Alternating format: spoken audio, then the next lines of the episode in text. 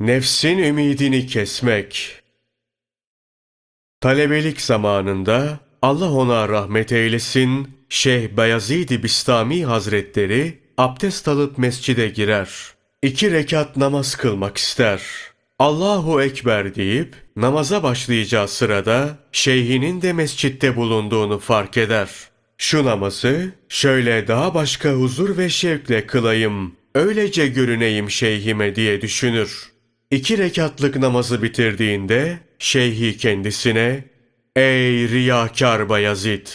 Git yedi yıllık namazını yeniden kıl.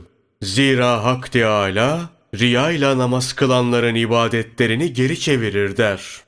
Allah ona rahmet eylesin. Bayezid-i Bistami Hazretleri yedi yıl tazarru ve niyazla namazlarını kaza eder. Çaba gösterir, gayret eder. Sonunda mürayilerin defterinden çıkartılır. Ey dertsiz! Sen her gün amelini halka arz edersin. Dinini dünyana satıp gezersin. Halinin nereye varacağını hiç düşündün mü? Allah ona rahmet eylesin. Bayezid-i Bistami Hazretleri şeyhi görsün diye iki rekat namazı böyle huzurla kılmayı gönlünden geçirdiği için yedi yıllık namazı kabul görmemiş. Şimdi acaba halim ne olur diye sormaz mısın? Allah ona rahmet eylesin. Sultanül Arif'in Bayezid-i Bistami Hazretleri nafile oruç tuttuğu bir gün ikindi vakti girince ağzına bir kuru üzüm tanesi atıp orucunu bozar. Nefsine de ne sana olsun ne de bana der. Nefsi feryat edip beni zarara soktun. Önce sevindirip sonra üzdün diye cevap verir. Meşhur hikayedir. Meşayihten biri bir yudum su içer. Karşılığında da sakaya yüz altın verir. Verdiğine de hiç üzülmez. Ancak nefsi bir günde Allah yolunda bu kadar altın verilir mi diye sorar. Verdimse bunu bir yudum suyun karşılığı olarak verdim der nefsine. Ona minnet etmez. Ey dertsiz! Bir fakire beş on akçe verir ama o kadar minnet beklersin ki fakir bundan incinir. Senden beş on akçe almış fakir, karşılaşmalarınızda sana hürmet göstermeyince yazık, çok yazık. Sadakamı yediği halde bana selam vermiyor dersin. Kendini o kadar beğenir ve yüksek bir yerde görürsün ki adeta şeytanlaşırsın. Aşıklar amel edip nefslerine umduğunu vermediler. Amellerini gözlere sokup riyaya girmediler. Zira şeytanın durumuna düşmek istemediler. Amellerinin boşa gitmemesi için gayret gösterdiler. Nitekim Resulullah sallallahu aleyhi ve sellem güzel amellerimle gururlanmaktan Allah'a sığınırım buyurur. Sana bir hikaye anlatayım. Daha önce duymuş olabilirsin. Olsun, tekrarda fayda vardır. Allah ona rahmet eylesin. Sultanül Aşık'in Bayezid-i Bistami Hazretleri 50 haccının sevabını mısır unuyla yapılmış bir pideye satar.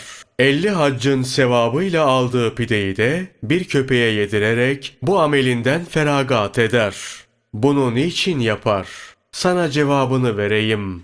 Nefsinin ümidini kesmek için.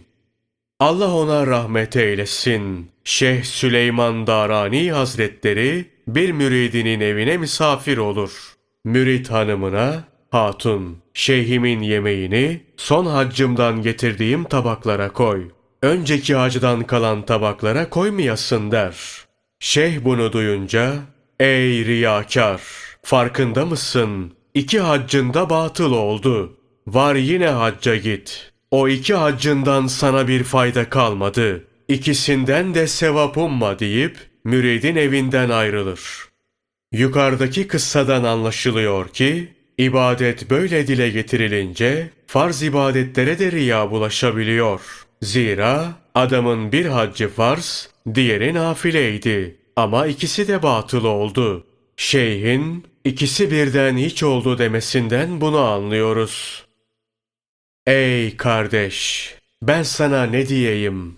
kendine ne namaz, ne hac, ne oruç, ne de sadaka bırakırsın. Şeyh Safi, Kuddise Sırruhu bir beytinde şöyle der. Minnet beklenen ekmeğin olur mu hiç değeri? Taş üstüne tohum eken eli böğründe kalır. Minnet lokmaları ateş gibi yakar ciğeri. Hak rızası için veren ecrini haktan alır. Kişinin hayır ve hasenatını, ibadet ve taatini unutması gerekir. Unutmayıp gönlünden geçirmek iyi değildir. Zira kişinin yaptığını kendine hatırlatması da minnet sebebidir. Aşıklar riya olmasın diye yaptıklarını unutup nefslerini de bunları düşünmekten alıkoyar. Riya denen şeyin yolu nereye varsa, hangi ameledeyse burayı batıl kılar. Evet, riyadan çok korkmak lazımdır. Resulullah sallallahu aleyhi ve sellem şöyle buyurur. Günü geldiğinde Hak Teâlâ kullarının amellerinin karşılığını verirken kimilerinin amellerini göstererek gidin ne adına ve nasıl yaptıysanız amellerinizin karşılığını onlar versin. Benim katımda bu amellerin hayrı ve sevabı yoktur buyuracaktır. Riya ile amel eden, mahşer gününde amellerinin karşılığını isteyip sevap beklediğinde, Hak Teâlâ onlara şöyle buyuracaktır. Ey riyakar! Sana o nimetlerin karşılığını vermedim mi? Meclislere girdiğinde hürmet ve izzet görmedin mi? Sedirlerde baş köşeye oturtulup sana türlü nimetler ikram edilmedi mi? Ve sen bunları yemedin mi? Alım ve satımlarda sana saygı gösterilmedi mi? İşte bunların hepsi amellerinin karşılığıydı. Zira ibadet ve taatteki maksadın dünyada insanlar içinde itibar görmekti. Ey riyakar! Dünyada istediğin eline geçti. Burada nasibin kalmadı. Sufiliğinin karşılığında şeyh olup baş köşeye oturdun. Halk içinde hoş bir itibar sahibi oldun. İnsanlar gelip elini öptü. Hizmetine koşup emirlerine uydu. Yemeyip yedirdiler, giymeyip sana giydirdiler. Bağlarındaki ve bahçelerindeki en güzel meyveleri ikram ettiler. Ey riyakar! İlim okutmanın karşılığında kadı oldun. Devlet kurup halkın malını rüşvetle elinden aldın. İnsanların karşısına türlü tavırlarla çıktın. Ağırlığınla üzerlerinde üstünlük kurdun. Ey riyakar! Talebeyken zahmet çekip müderris oldun. Sana verdiğim ilimle acizlerin ve günahkarların kapılarına vardın. Kendilerinden izzet ve hürmet bekledin. Verdiğim ilimle amel edip tevazu ve alçak gönüllülükle kapıma mı geldin? Nebi ve peygamberlerim kendilerine verdiğim ilmi aleme yayıp emirlerimi duyurdular. Hangi nebi ve peygamber dünyevi izzet ve hürmet talep etti? Hepsi tevazuyla haddini bilerek dergahıma geldi. Bunun karşılığında da hesaba gelmeyen bir karşılık buldular. Ey riyakar! Yaptıklarının karşılığı dünyada verildiğinden burada bir nasibin yoktur. Bundan böyle yerin cehennemdir. Allah Celle Celaluhu riya ile amel edene böyle hitap ettikten sonra zebaniler onu yakalayıp cehenneme götürür.